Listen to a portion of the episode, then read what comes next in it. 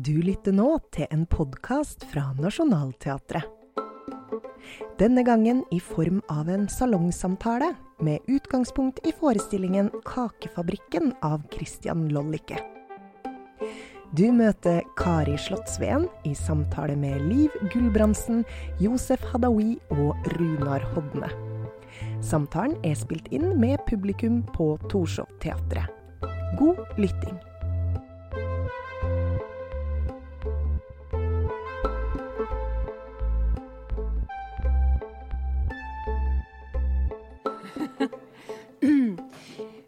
Velkommen hit til Torshov-teatret. Salongen befinner seg også her. eh, hvor Kakefabrikken er superduper aktuell for tida. Christian Lolickes uh, farse, satire, farse, elleville farse, som foregår uh, inne i salen her. Jeg har sett den, det var gøy, jeg lo hele tiden. Og eh, med oss her, eh, foruten publikum, velkommen.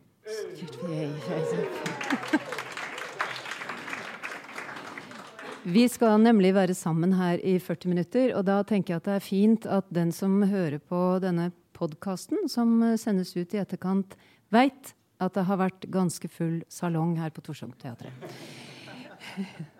Jeg heter Kari Slottsveen, og ved siden av meg her sitter Josef Hadoui. Yes. Skuespiller, komiker og forfatter, spilt i flere filmer, bl.a. Haram. Ja. Og TV-serier. Du startet i sin tid Svart humor på YouTube og Facebook, som ble plukka opp av NRK3. NRK1. Unnskyld, NRK1. Så er det Liv Gulbrandsen, forfatter og forteller og humorist og mange andre ting, som nå er superaktuell på Nationaltheatrets hovedscene med Hold kjeft, Ibsen. Altså, hold kjeft, det er Ibsen. Hold kjeft, Det er ikke Ibsen som skal holde Takk. kjeft. Det hadde vært litt overflødig å si, for han holder jo veldig kjeft, på en måte. Siden han er helt død. Men ja. Hold kjeft, det er Ibsen. Ja. Handler om Liv, Livs mormor, mormors 13 søstre. Den sparker godt politisk. Den har satiriske elementer fordi det nok antagelig ikke er mulig å skille deg helt fra dem, tenker jeg. Storartet forestilling, og så er det Runar Hodne, som er eh, regissør for Kakefabrikken. Og som også er Oslo Nye Teaters nye sjef fra januar 2023. Hei, gratulerer! Det blir gøy. Det blir kjempegøy. Ja. Satire. Eh, hva kan vi tulle med til alle tider? Forandrer det seg? Hvorfor forandrer det seg? Hva er det lov å le av? Hvem er det lov å le av? Hvem har lov til å le? Og hvem er avsender, og hvem er mottakere? Det er skikkelig suppe, dette her. Ja, det er ikke lett. Eh, og verre har det blitt, holdt jeg på å si. Så, Ha, har det det? ja, kan, må, som komiker så må jeg si at eh, jeg tenker meg over litt Jeg tenker meg ganske mange ganger ekstra nå enn det jeg gjorde tidligere. Og det, en måte, og det merker jeg på mine kollegaer på, eh, på NRK. Også at vi, vi tar noen runder ekstra og forhører oss med andre. Og er dette innafor? Kan, kan man si det? Hva er lov?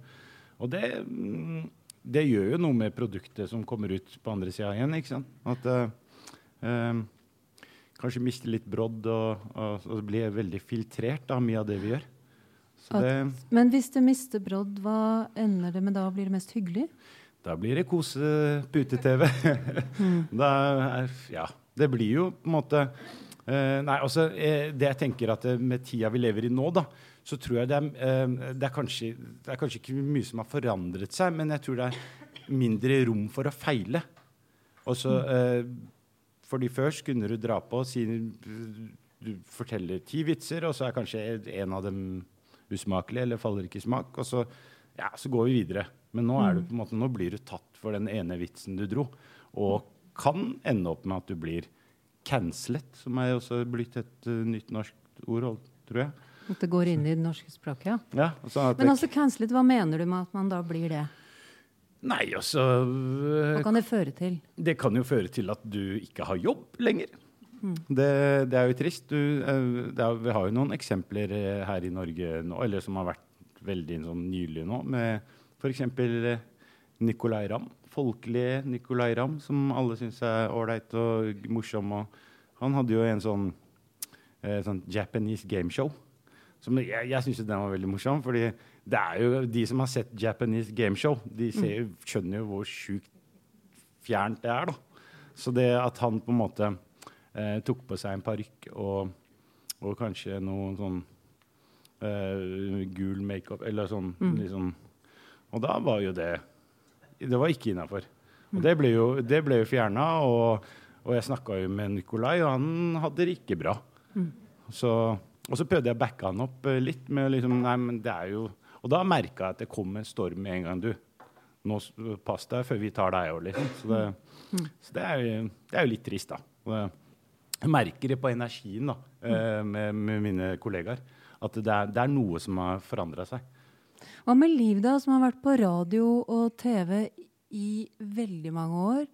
Og du har skrevet, og har vært foran publikum i mange år. Mener du at ting har forandret seg, og i så fall på hvilken måte?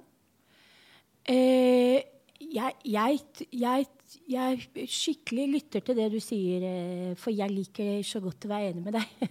Men vi er fra Østensjø bydel begge to her. Ja, så, vi, så jeg føler sånn slektskap. Men jeg, men jeg prøver å komme på liksom Eller akkurat eh, Nei, jeg tror ikke jeg syns det har blitt verre, jeg. Jeg tror kanskje jeg syns det er bedre. Men jeg tenker jo også at det kommer jo litt an på hvilken holdning du har. Når jeg eh, tøffer meg og er frekk og slenger med leppa, så gjør jo jeg det i en viss Altså jeg har en forventning om at noen har lyst til å labbe til meg etterpå. Og det er klart at det har skjedd på forskjellige måter. Altså jeg har opplevd at folk måtte hyre inn dørvakt fordi folk vil kaste glass. Ja. Eh, og det har vært fordi jeg for eksempel har snakka dritt om Knausgård. Men det har jeg gått inn for. Og, og, jeg, og jeg vil at eh, de skal kaste glass, ikke sånn på ansiktet. Men, men, eh, men jeg tenker at noe av det er jo at hvis du går inn for å provosere, så kan du ikke bli så uventa hvis folk blir provosert, liksom. Tenker jeg. Og det syns jeg tidvis kan være ålreit. Men, eh, og så må jeg jo si at noen ganger, sånn som Vi har jo jobba i et radioprogram sammen med Håge Nilsens metode for veldig mange år siden. Vi har det. Den gangen vi var så veldig, veldig unge. Ja. Og, og i fjor Nei, men før. Så, og da husker jeg at vi hadde jo noen ting som vi jevne mellomrom fant på, og som vi sensu, enten sensurerte oss sjøl eller noen litt voksnere greip inn. Ja. Og sa 'dette kan dere ikke lage'. Ja. Og da husker jeg jeg syntes at det var jævlig teit. Men sånn i ettertid så er jeg glad for det. Ja, fordi eh, jeg kan kjenne igjen det, og jeg kan huske de episodene uten at jeg nødvendigvis husker Ja, hva for var. jeg får lyst til å si det nå, bare for å si at det går an. Ja. Men det kan hende at da får vi nå igjen bråk med det. Men ja. er det, blir du svett, eller? Fordi du er jo Nei, jeg blir ikke svett med jeg, jeg husker en del av de episodene at vi ble revet med. Det er en sånn smeltedigel av, av humor på radio.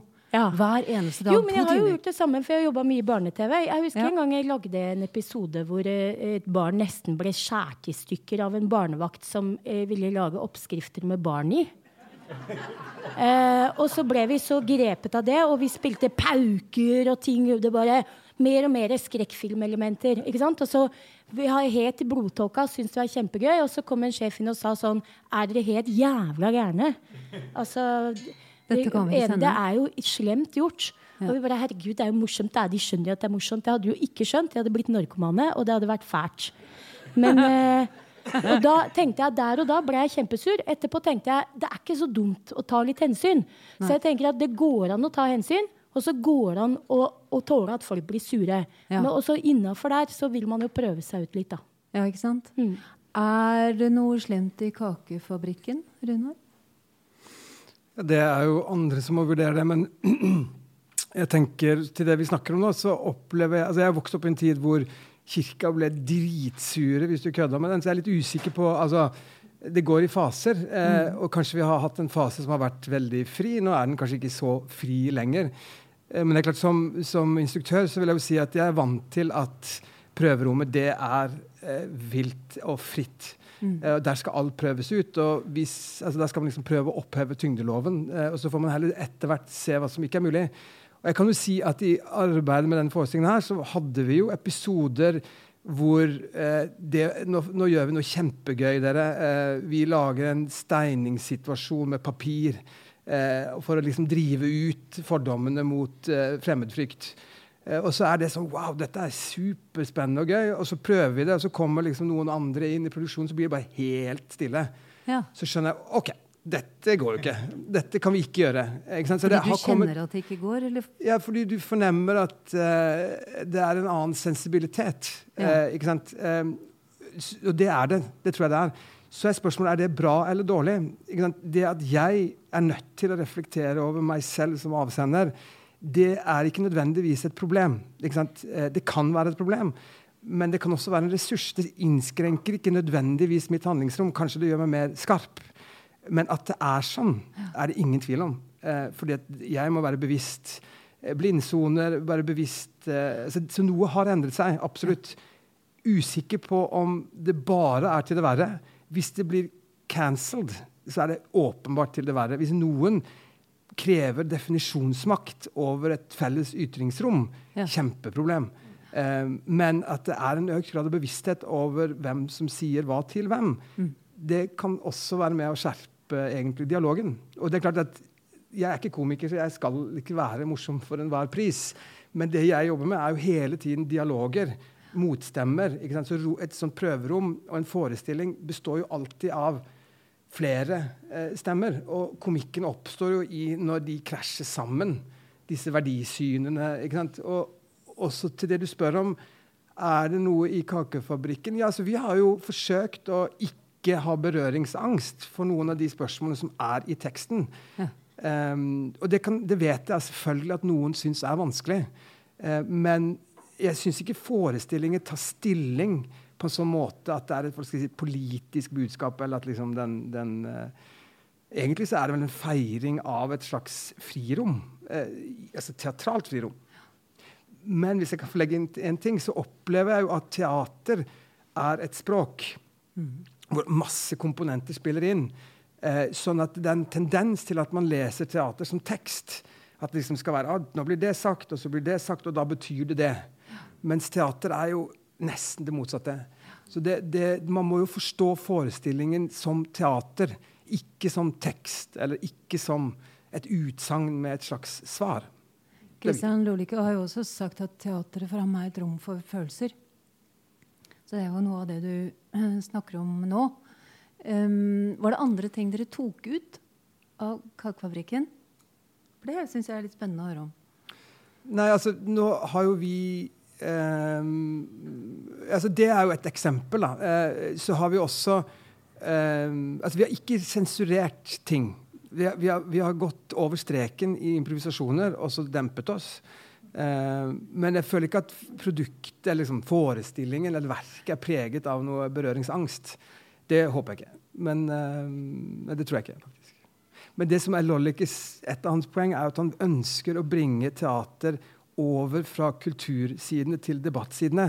Han ønsker at teater skal være mer relevant. Og det er et veldig hederlig egentlig, prosjekt. Eh, det støtter jeg veldig.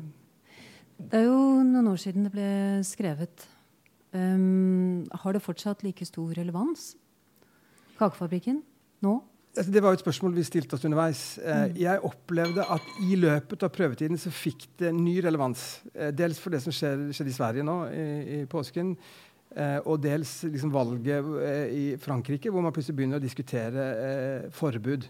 Mm. Altså reelt forbud mot enhver religiøs bekledning. Da plutselig ble dette her eh, superrelevant igjen. Mm. Og det syns jeg også er et tegn på at altså hvis det som er noen år gammelt, er for gammelt, da har vi jo et seriøst problem med historien. Eh, mm. Så ja, det er noen av de spørsmålene var mer akutte for noen år siden, men de er ikke ikke relevante i dag. Tilbake til det Liv snakka om i stad. Jeg, jeg, mener jo veldig at en del av de tingene vi gjorde, f.eks. humor, radio, 90-tallet, noen av de tinga ville vi ikke gjort i dag. Det var sketsjer vi ikke hadde laget, det er figurer som ikke hadde dukka opp. Og det kjenner ikke jeg heller noe sånn eh, at, at det er et problem. Uh, men jeg kan derimot kjenne på en sånn wow. Det gjorde vi faktisk. De hadde talefeil og kulturelle bakgrunner og litt av hvert Men jeg, på en måte ikke, Det ville ikke Jeg hadde en karakter som hadde Downs syndrom. Hos oss? Mm, det hadde jeg. Ups. Det husker ikke jeg. Mm. Det var ikke, jeg sang veldig glad å synge og hadde Downs syndrom. Det hadde jeg aldri gjort nå. Det er ikke tap. Det er ikke tap for verden at jeg ikke gjør det nå. Det syns jeg ikke. Jeg syns det, det, er fint at jeg ikke gjør det nå. Vi hadde en figur på Irma 1000 som uh, drev og ringte inn, og som ville at uh, min makker Barbara Jan skulle eh, Eller ville at jeg, da, som var husmor og var hjemme og sånn, skulle være forskjellige ting. Dyr, forskjellige dyr. Og han hadde en sånn indisk aksent. Eh, og da ble det skrevet at dette her var et postmoderne perspektiv. Det hadde ikke vi tenkt over. Men senere hadde jeg tenkt at det var mer var et sånn kolonialistisk perspektiv. så jeg var sjiraffer og vaskemaskiner og sånt nå, så det var for så vidt gøy. Men han, jeg skjønner ikke hvorfor han som ringte inn da skulle ha den aksenten. Det har jeg aldri skjønt. Hvor kom det fra? Det kom bare. Det dukket bare opp som en figur. Men jeg husker det veldig godt. faktisk akkurat i, det, det var veldig formativt for meg, sånn, som humor den der enorme lekenheten i forhold til eh, hva man kan fremstille på veldig enkle måter. Jeg, jeg, tror ikke det slo oss egentlig at det var noe gærent med det da. Og jeg vet jo at i dag så er det jo også en del eldre satirikere, humorister og komikere som sier at det er et veldig trangt handlingsrom. Det er ikke mye man kan tulle med lenger. Men så tenker jeg også sånn at var det da veldig mye bedre før, og i så fall for hvem?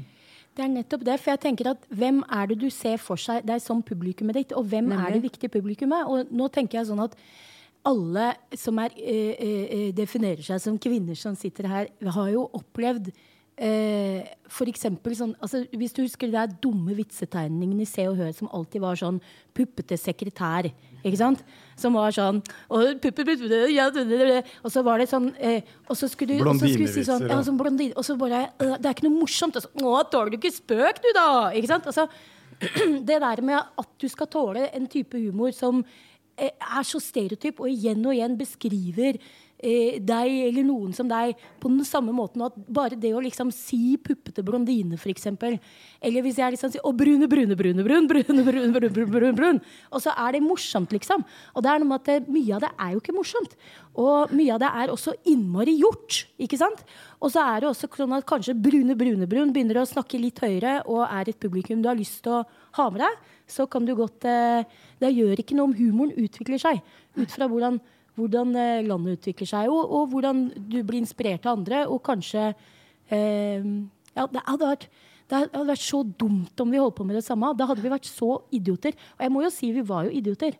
På mange måter var vi idioter.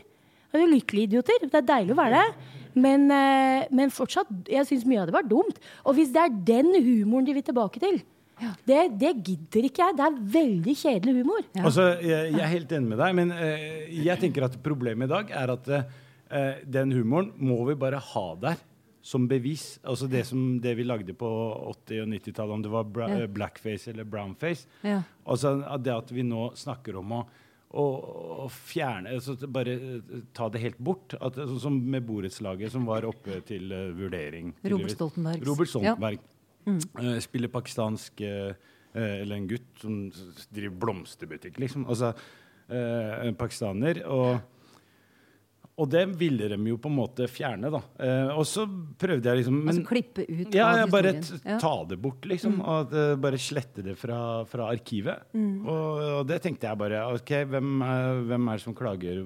Så prøvde jeg liksom å, og, og forhøre meg litt rundt, og alle pakistanere syntes det var kjempegøy. Så det var sånn ok, hvem er, altså det, det, det, det, dukker jo opp mange som blir krenka overfor andre.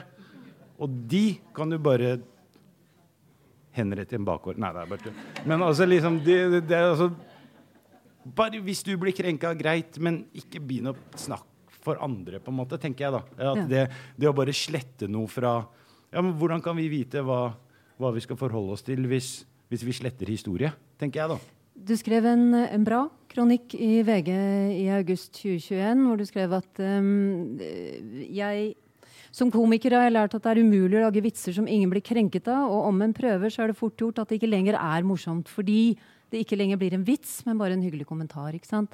Så det er igjen tilbake til det vi snakka om i sted, med å ta ut all brodd. Men, men også dette her med at hvis vi hele tiden ønsker at noe skal være slik det var i en periode der vi selv hadde det gøy, så, så, blir det jo en smule meningsløst det hele, gjør det ikke det? Jo, du spør meg. Ja, for eksempel. Nei, altså, jeg, tror at, jeg, tror jo at um, den grenseløse liberalisering har jo også en slagside. Mm. Uh, men hvis du ser rundt deg i verden i dag, så hvis verden er en scene, så er det utrolig mye koko som skjer på den scenen for tiden. Uh, altså, hvis Gud, hvis vi snakker om Gud, hadde hatt uh, bedre dramaturger, så hadde det vært mer interessant, det som skjer på scenen for tiden. Sånn at eh, jeg tror at den enorme, liksom, grenseløse, påtvungne liberalismen den har sin egen motsetning i seg, for den, den, er ikke åpen for alle. Så jeg tror, Apropos det du sier, at den utvikler seg. Verden utvikler seg. Rammene beveger seg, og det er bra. Og komikere er kanskje noen av de viktigste aktørene for å bevege seg fritt innenfor de rammene, og de skal eh, få eksistere. Hvis man sletter fortiden, kjempeproblem. Det er jo revisjonisme. Eh, men at man må leve og operere innenfor det grensefeltet som eksisterer i dagens bilde, det, det tenker jeg det er en oppgave vi, vi, må forholde oss til. Det er bra. Det er utvikling. Mm. Men igjen, det er forskjell på å politisere noe. Hvis et utsagn blir politisert mm. altså Politisk er bra, politisert er ikke bra. For da er det plutselig et minefelt hvor man blir redd for å, å bevege seg. Redd for å trå feil? Ja. Det er så vanskelig på en måte å orientere seg i et klima nå der det ene er noe som blir oppfattet som veldig politisk korrekt, og det andre er en sånn slags enorm trass. Eh, nærmest demonstrativ aggresjon mot det som da blir oppfatta som politisk korrekt. Det, blir så, det, blir så, det er så steile fronter. Og dermed så går det igjen Det blir en sånn perpetuum mobile, dette her vi diskuterer det samme hele tiden. Mm. Men um, hvordan tror dere f.eks. at vi vil se på dette når det har gått nye 20 år? da? For nå sitter vi og tenker at eh, noe av det vi holdt på med, kan vi godt bare la ligge der. La ligge i arkivene og sånn. Men var ikke, alt var ikke bare gøy. Mm. Men nå, da? Jeg tror at det er en sånn um, Historien gjentar seg. at vi Nå, nå er vi sånn cirka rundt sånn tilbake til 60-tallet. Og så når 70-tallet kommer, og bare Peace and love, og folk kan bare gønne litt på altså, så, så, jeg tror det jeg tror det kommer en tid nå, det var sånn som i 2022, da, eh, i hvert fall nå kan, skal jeg ikke snakke på vegne av NRK, men i hvert fall eh, slik jeg har forstått det, så tror jeg ikke det kommer så mye satire eh, fra kanalen i år. Mm. Men at om kanskje noen år da, så savner folk Faen, hvor blei det av den satiren? Altså, at det at at det kommer tilbake igjen. Det, det, håper jeg. Men jeg håper ikke det tar 20 år, liksom. Det, det har jeg ikke tid til å vente. Nei. Men kulturinstitusjoner under press, f.eks., som er avhengig av lyttertall, som er avhengig av seere, som er avhengig av bevilgninger og av statlig støtte, de vil jo på et eller annet tidspunkt kanskje også ja, bli rundere i kantene, være engsteligere for å utfordre det bestående. Da. Det kan jo godt hende det at f.eks. NRK som stor kringkaster på et eller annet tidspunkt slapp ting veldig løs. Mm. Med f.eks. trekanaldelingen og sånne ting. Men at det nå kanskje er en periode hvor man er forsiktigere, det vet jeg ikke. Så du tenker sånn NRK4, da? At det er sånn bare bare satire og brodd og bare 18-årsgrense på At du får samlet alt på ett sted? Alt på NRK4. ja. Altså, jeg tenker at Om 20 år så er jo NRK er da blitt en sånn liten sånn kanal som viser sånn Her leverer du ditt lysstoffrør. Altså, det er jo liksom en eh, bedrift i sånn eh, langvarig nedlegging, det der. Og jeg tenker at det som er forskjellen nå i forhold til andre er, år, er jo at du har jo muligheten til å nå folk hjemme fra soverommet ditt med mobilen din hvis du har lyst til det. ikke sant? Så jeg tenker jo at det, det er jo ikke snakk om at det er blitt et mindre rom. Folk lager jo podkaster fulle av satire yep. som har enorme mengder med lyttetall hele tida. Ikke sant? Vi har jo hatt programmer som er sånn 250 000 lyttinger. Det er kjempebra. Og de får til det samme på uh, liksom bitte lite utstyr hjemme hos seg sjøl etter at de har vært på jobben i gartneri der hvor de bor. Mm. Altså, sånn at mm. folk, det, det er jo ikke snakk om at ikke folk kommer til å uttrykke seg. Og mange sier ting som er så drøyt at de er rødmer og får flass og mister et øre. Ikke sant? Og det fins jo. Som NRK gjør det eller ikke, det tenker jeg drit og dra. Det spiller ingen rolle. Det spiller ingen rolle. Kom, folk kommer til å drive med det. Det jeg ønsker meg, er fordi det vi er litt uenige om her, er jo er det sånn? Eller er det en fortelling vi har lagd som er sånn Det går jo ikke an å si noen ting. Og det er, det er nok som du sikkert Det er sikkert litt sånn som eh, Det kommer an på. Og litt forskjellig. Ja. Jeg, men jeg tror også at komikere generelt må tåle juling. Og at hvis du får juling, så har du ofte gjort noe bra. Ikke, men ikke hver gang. Men ikke hver gang. Det kommer litt an på hvem. Ja, men, og, men, jo, men jeg tenker at Hvis du klarer å gå etter makt, for eksempel, og de straffer deg seg for det, Mm. kompliment. Hvis du sårer en eller annen stakkars med Downs syndrom, ikke kompliment. Mm. Ja, Det er forskjell. Ja, altså, jeg, jeg er veldig enig med deg der. Men Ja. eh, så, så, før, da, hvis jeg kan si eh, min, Jeg har vært i NRK siden 2010. eh, eh, og jeg har gjort en del drøye ting. eh, og faktisk blitt, en del ting som har blitt sletta også, som jeg ikke syns er så drøyt eh, eh, nå, da. Men eh, at vi på en måte altså, Det, har kommet, det kom en klagestorm. La- ok, la oss si NRK tidligere altså, var sånn, det kom en klagestorm, og så bare rive ut stormen. Men nå er det blitt sånn okay, nå, klage, nå kommer det klagestorm.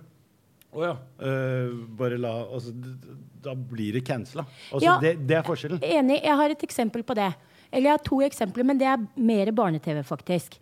Fordi en gang så sa vi homo, og da kom det klagestorm, men da sto vi i den homogreia. Mm. eh, den, han med det røde håret og den lille vaskebjørnen, og så kaller vaskebjørnen Asgeir for homo, og så sier Asgeir nei, det er, homo er ikke et skjellsord, det betyr og så forklarer vi. Og da var det masse klagestorm. Før jul så sang Fantorangen og Fantus og Pivi de sang Du grønne glitrende tre hver dag. God dag, hei, hei. Eh, velkommen og sånn. Du skal minne oss om vår jul. Oss om vår jul i stedet for Gud. Ja. Eh, eh, først og fremst fordi vi bare tenkte at det var sånn sangen var fordi vi er idioter. Men når vi hadde synget det, så tenkte vi sånn Var det egentlig sånn? Og så tenkte vi ja, men er ikke det ålreit, da? Fordi sånn som i Oslo by nå, så er jo to tredjedeler av, av barnebefolkninga er jo eh, flerspråklige og og kjempediger. Forskjell som ikke er religiøs. Kan vi gjøre det? Kan vi ikke gjøre det? Dette er liksom små bamsedyr som er barn, da. Kunne de gjøre det? Da kom det klagestorm og eh, lite redaktørbrev fra Vårt Land. Og da sier de dere må gå, dette må forandres. Det er en skandale. Og så må de gå inn og så må de ta ut ordet jul. Og så må vi si Gud, og så må det inn igjen. Ja. Og det blir gjort? For, det blir gjort, ja. Og det er sånn som jeg tenker sånn Akkurat den eh, type sånn eh, På en måte før så tenker jeg sånn Særlig de derre eh, Trond Kirkevåg og de var jo sånn skikkelig sånn De gikk etter liksom kjerka hele tida. Ikke sant? De var gale prester og nonner som røyka og sprikte i en veikant, og de holdt på. Eh, og, og jeg tenker at den trassen var jo der, men jeg tenker at den der lydigheten overfor at én avis som har en veldig kristen målsetning. Det er ikke noe sånn at resten av befolkningen reagerte nevneverdig på det. Så at vi må gå inn og gå etter Alt må tas ut, så må du putte ordet Gud.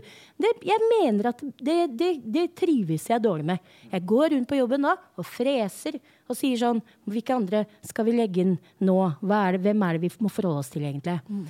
Og sånn, eh, det, det trives jeg dårlig med. Men det er ikke sånn at jeg tenker at det er så Det er ikke noe krise i et samfunn, hvis du skjønner. Det, er, eh, det, er, vi må, det, det er ulike maktforhold som fins, og som innimellom vil virke. Og så må vi prøve å forholde oss til det på en måte. Da.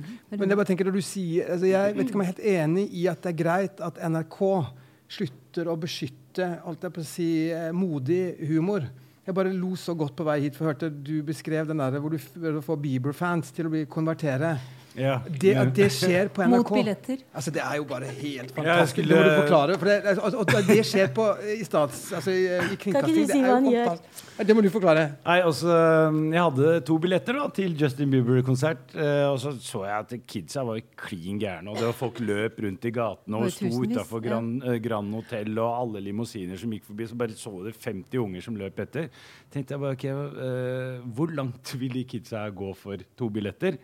Så da tok jeg med en eh, imam, eller en kompis av meg som spilte imam. Satte vi opp en stand utafor eh, Grand Hotel. Og da sa jeg hvis, hvis det er en konkurranse. Hvis du konverterer til islam, så er du med i konkurransen av to VIP-billetter. Så da stilte de seg opp, da, rad med, med folk. Det var hovedsakelig flest jenter, da. Og da fikk jeg dem til OK, du heter Kristina. Ja, da må du bytte navn. Her har du en lyste. Fatima. OK, greit. Og, og lina dem opp. Det er litt sånn Paradise Hotel. Altså, litt sånn, eh, da sto den der sånn roseseremoni da, og sto klare. og Fikk dem til å ta bort eh, sminke og få på seg hijab. Og, og, og trosbe, så skulle de liksom si trosbekjennelsen. Men det var bare, da sa jeg på berbisk. bare, Da sa de bare på berbisk, eller på mitt eh, andre språk, da, at eh, Hei, jeg står her og er helt idiot. Det var egentlig bare det de sa. Og da fikk de billetter, og så var det jo to jenter som vant. da, Fatima og jeg husker ikke hva hun andre het. Aisha. Og det, det var kjempegøy, og det, den sketsjen gikk egentlig verden rundt. Eh, var, var på australsk TV, altså spansk, eh, fransk eh, og sånn. Men så kom det jo klager da fra faktisk Vårt Land. No. Jævla vårt land! Ja. Altså, de Ja, ja, Vårt land, altså. Det var sånn der, nei, så det var en biskop da som starta det hele med å bare Nei, dette er ikke innafor. Og så altså det, jeg må bare si, det morsomste som jeg syns med, med hele den sketsjen her, var at det, det var eh, moren til en av de jentene da, hadde ringt. Og hun var tydeligvis ikke veldig glad i, i, i islam, da. Eller sånn muslim. Så hun bare 'Hvordan avkonverterer jeg dattera mi?' så da var liksom bare Du, det er bare tull. da da sletta de den. Altså. den, den, den finner du ikke noe sted. Altså den, eh, du kan søke det opp, og du, du finner alle avisartikler om Å ja. Der, ja. Å, jeg trodde det var den, ja. jeg bare, nei, altså, så, nei, så, så det, det syns jeg var veldig trist. da. Og den, altså, I det sekundet den ble lagt ut, så husker jeg at på, på under en time så hadde vi nesten 400 000 eh, views. Ja. Og det var sånn jeg bare Wow, dette her nå! Nå er vi inne på noe. Og så Fikk, men fikk du noe, fikk du noe trusler pga. det? Ble du trua med juling? Skjedde Altså, hun mora var jo ganske truende, da, men Ja. altså Nei, altså Jeg vet ikke. Jeg, jeg, jeg, slipper, jeg slipper egentlig ganske Jeg får jo noen trusler i ny og ne, men det er beste måten å løse det på, er jo bare å true tilbake. Nei da. Altså, jeg, altså, nei, altså jeg vet ikke. Jeg, jeg faktisk Ja, altså, jeg tar ikke så tungt. Det er jo, som jeg har sagt tidligere altså, hvis folk syns det du gjør er bra og elsker deg, så vil det alltid være folk som hater deg også, på en måte. da. Så jeg tenker så lenge folk ikke er likegyldige, og at det liksom på godt og vondt, da, at det er noe feelings der. Det tenker jeg. Men ingenting oppstår i et tomrom. Og når vi var inne på dette her med katolske prester og, eh, prester og kirke og humor, på, særlig på 70-tallet, så kom jo det også mye fra britiske komikere som eh, gikk løs på kjerka, både den irske katolske og den, den engelske. Um, og så kommer de jo hit. Så, så det skjer jo også hele tiden. Og det vi er inne i nå, er jo også en, en stor påvirkning fra bl.a. USA. Så fra, kanskje fra litt andre forhold enn her også, hvor um, folk risikerer en advokat i trynet i langt større grad hvis man trår feil. Ja, for jeg tenker at det, det, når vi lagde Kakefabrikken nå, så var det jo viktig på et tidspunkt å lage en avgrensning, fordi at det er Tacopris Nationaltheatret som er en slags redaktør. Ikke sant? Eh, sånn, og jeg står jo fullkomment ansvarlig for verket. Mm, og skuespillerne som sier ting som de selv selvfølgelig ikke står for. Ikke sant? Eh, at man må skille hvem har ansvar for hva. Og da vil jeg si at det å vite at man har eh, Nationaltheatret i ryggen, betyr ganske mye for følelsen av å våge. Eh, og sant? Hvis det hadde vært uklart, hvis jeg ikke hadde hatt støtte der, så hadde jeg selvfølgelig vært mye mindre liksom, trygg.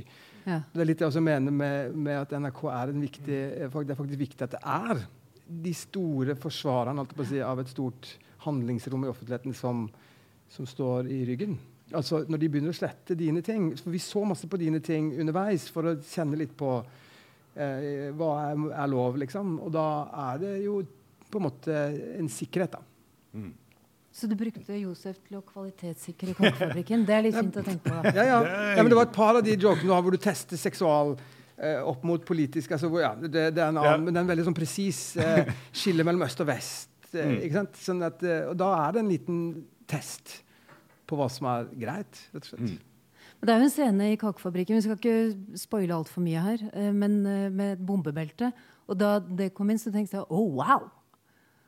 Eh, og så lo jeg fryktelig av det. Og det, jeg kjente det som en stor befrielse. At det var det frie rommet. Fordi jeg lo sikkert eh, kanskje 100 ganger oftere enn det Aftenpostens anmelder gjorde, som lo en og en halv gang. Og Da var jeg, jeg, jeg satt og tenkte var vi på samme forestilling? Eller vet ikke. Jeg vet faktisk ikke. Men da tenkte jeg også et øyeblikk at da er jeg kanskje bare helt idiot, da. Jeg ler og ler og ler og ler av alle. Absolutt alle. Eh, men eh, ja, nei. Men det er jo også igjen preferanser, og det er jo humor. Det treffer bare for ulike liten ting kommentar til det, fordi Ja. Latter er jo på en måte umiddelbart. Og derfor er det jo sant. på en litt annen måte. Det som er gøy her, er at det er teater i en sirkel. Så jeg har hatt gleden av to ganger å se anmeldere som ler masse, som har skrevet her anmelder altså hvor de sier 'jeg lo ikke'. Og Det synes jeg er et interessant paradoks, fordi altså, de har faktisk ledd mer enn en og en halv gang. For å si det, for jeg vet det. Ikke Men, men, når man kobler inn et slags fortolkningsapparat, så er det plutselig ikke greit lenger. Mm. Altså, skjønner du, Den latteren er mer sann enn egentlig refleksjonen etterpå. Ja. Det syns jeg er et viktig poeng, faktisk. Ja. Altså, nå får du så mye støtte. Ja, det, det var bare å ta notater. Konkludere på en pute eller et eller annet sånt. Har dere som sitter her, sett Kakefabrikken ennå? Nei? Er det noen av dere som skal i dag? Det er det. Ok, da skal vi ikke avsløre for mye. Men selv om vi gjør det, så, så tror jeg dere kommer til å le mer enn en og en halv gang. Um, jeg tror bare at det kan være fint å minne om det der som Liv var inne på, med prester og kirke. Fordi at her var statskirken en langt sterkere institusjon på den tida. Det er lenge siden nå. Eh, og det var det visselig veldig i Irland og i Storbritannia, også i USA. Så dermed så slår den humoren kraftigere når den er ellevill, når du ikke har noe respekt, når du tar det som ellers blir møtt med både gudfryktighet, men også en sånn slags samfunnsrespekt. Og når man tuller med det, så skjer det jo ofte også en endring. ikke sant? Så dermed så, den, så var den humoren viktig på den tida. Uh, I dag vil den jo ikke slå opp på samme måte. Selv om det var veldig gøy å se kardinaler som hadde altfor høy hatt, som ramla når de skulle inn i Vatikanet og sånn. Da var vi barn, og det var kjempegøy. Altså Noe av det høres ut som det fortsatt er veldig gøy, faktisk. For du kan jo bare minne folk på det, så ler folk. Det er, det er jo gøy. Akkurat det med kardinaler. Det er jo gøy, da. Herregud. Hyrdestaven som blir sittende på tvers inni den bærevognen, og så kommer han ikke mm. ut. Det, jeg jeg, jeg mm. syns fortsatt mm. plastiske ting, fysiske ting, er evig gøy. For det er jo den måten vi mennesker har kommunisert med hverandre kanskje bestandig. At vi har vist tøysete ting med kroppene våre og ansiktene våre og stemmene våre. Hva med Mohammed og Fatma og Karikaturstriden? Det er mange elefanter i dette glasshuset hele tiden. Jeg vet ikke om vi skal gå inn til karikaturstriden nå. Skal vi det? Altså ja, hvorfor ikke? Jo, det kan vi gjøre. Det ble jo skrevet Jeg leste en artikkel i Vikenavisen. Altså, en av um, advokatene i, um, i uh, rettssaken etter Charlie Hebdo har gitt ut en bok hvor mm. han redegjør for hvordan den ble pisket i gang. Altså Den ble gjentatt, og det ble laget flere karaktertegner for å liksom piske opp en strid. Så det er klart at det er også en debatt som ble politisert. Eh, så uavhengig av hva man syns om karikaturstriden, så er etter, etterspillet er noe som også er en grad av iscenesettelse for å piske i gang en polarisering. Mm. Eh, sånn at um, Det er jo bare nok et vitnesbyrd om at det fins Altså det er komplisert, mm. og at det fins en tendens til å ville eh, politisere eh, et uttrykk, nesten uansett. Um, så det Ja. Det svaret likte du ikke igjen. Han bare Hva er det sier for noe nå? Samtidig kan man jo tenke seg at um, en sånn eh, karikatur Fordi jeg tenker at man alltid skal kunne tøyse eller lage satire om noe som er autoriteter. Noen som bestemmer. Noen som har innvirkning på våre liv. Noen som bestemmer hvordan vi skal leve, og hvem vi skal være. Det må man kunne tøyse med, ellers så blir det veldig ufritt. Men samtidig så Det er klart, en, en karikatursiden kan jo også Man kan jo tenke seg at det også er et problem, fordi det dermed går det går utover folk som allerede har problemer, f.eks. i et hvitt samfunn. Og blir mer utsatt enn det de er fra før av. Blir mer prosjisert, blir mer aleine og blir mer nakne. Det, det er jo det er så sammensatt.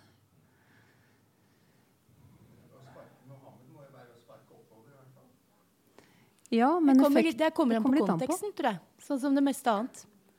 Da kan man velge å gjøre det eller ikke. Men jeg tenker at det å se på humor generelt som eh, Som eh, som noe sånn ba, på en måte bare uskyldig. ikke sant?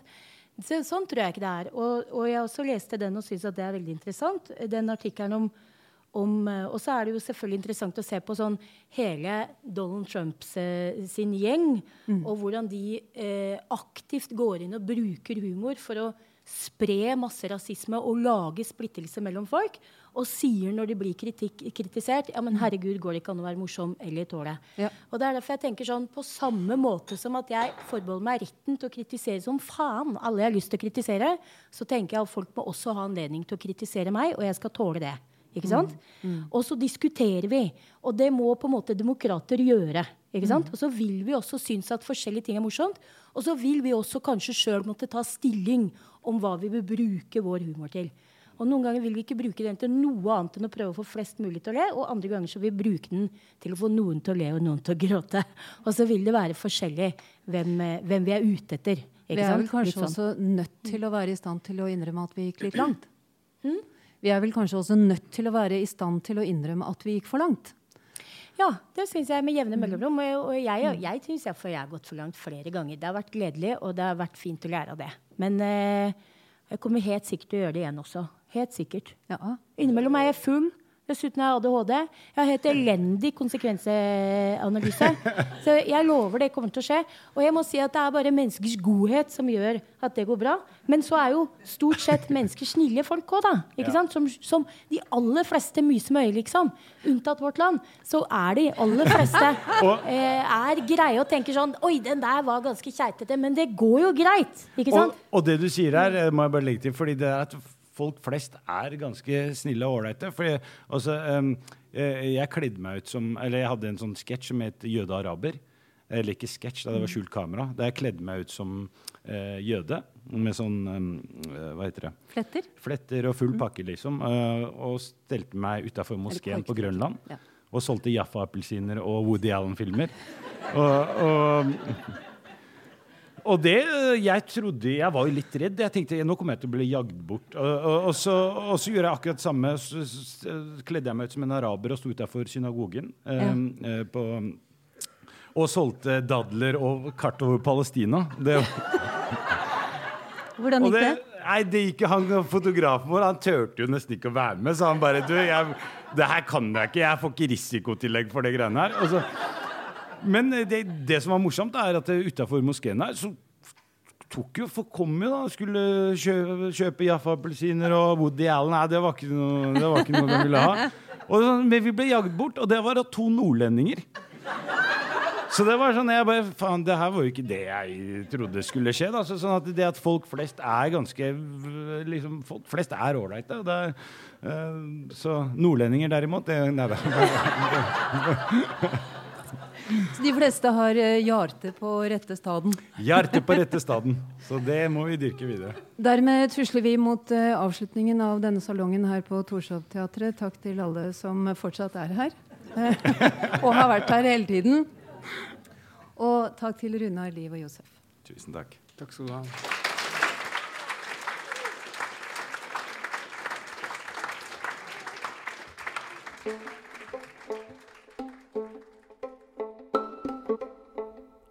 For at du hørte på Nationaltheatrets podkast Teaterprogrammet. Ideen til denne salongsamtalen var ved Gunhild Aarebrot Kilde. Lydtekniker var Bendik Toming, og produsent det var meg, Åsta Hoem Hagen. Mer informasjon om forestillinga og arrangementer finner du på nasjonalteatret.no. Følg oss gjerne også på sosiale medier for mer innhold produsert på, bak og rundt scenen. Håper vi ses i teatret.